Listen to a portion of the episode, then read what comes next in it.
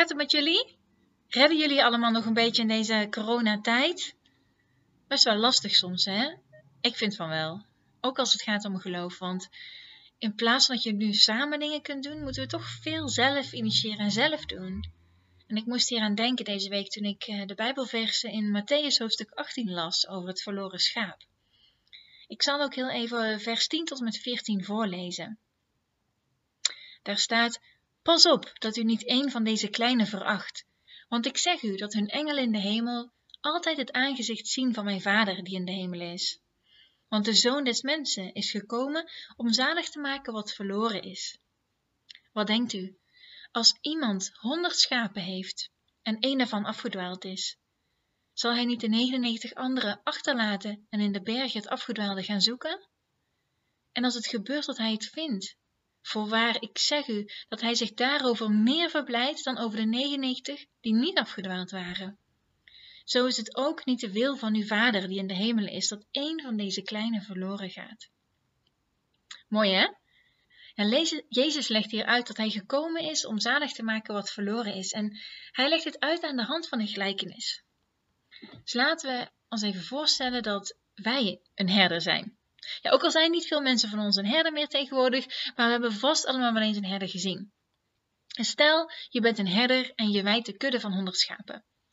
Dan gebeurt het dat één van die schapen afdwaalt van de kudde, zonder dat je het in de gaten hebt. En je kunt hem niet meer vinden. Dan schrik je wel even, hè? Je maakt je natuurlijk hartstikke zorgen en je gaat direct op zoek naar het verloren schaap. Nou, gelukkig in de verte zie je hem weer en kun je er nog gauw naartoe voordat het schaap verder gaat en de weg niet meer terug kan vinden.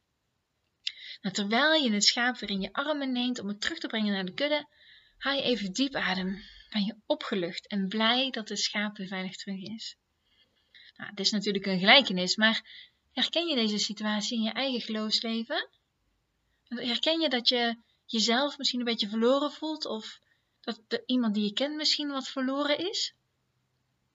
En er kunnen zoveel verschillende redenen zijn waardoor mensen het moeilijk hebben in hun geloof. Het kunnen omstandigheden zijn, onrechtvaardigheid, maar ook soms omdat onze eigen gedachten volgen en onze eigen weg opgaan. soms worden we lui in ons geloof en doen we niet meer wat we moeten doen. Vergeten we om te bidden of om het woord te lezen bijvoorbeeld. En in deze coronatijd is het denk ik best makkelijk om wat lui of moedeloos te worden en minder te bidden en ons geloof zo een beetje te laten afzakken. Bij mij is dat in ieder geval zo. Is dat voor jullie ook? Nou ja, hoe dan ook, het is belangrijk dat we onze weg weer terugvinden en dat we degene die verloren zijn ook weer terugbrengen. Dus laten we vooral dicht bij God blijven, dicht bij de Heilige Geest, dicht bij gebed, dicht bij het woord en vooral ook dicht bij dankbaarheid. Dus deze week was echt voor mij een week om te zoeken naar wat ik ben verloren in mijn geloof. was dat hoop? Was dat mijn eerste liefde? Was dat dankbaarheid? Maar het was ook echt een week om bij mezelf te raden te gaan. Wie ken ik die ondersteuning nodig heeft in zijn of haar geloof? En wie ken ik die mij kan ondersteunen in mijn geloof?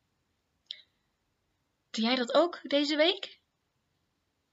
En nu aan mij de vraag aan jou. En nu aan mij de vraag aan jou. Doe jij dat ook deze week?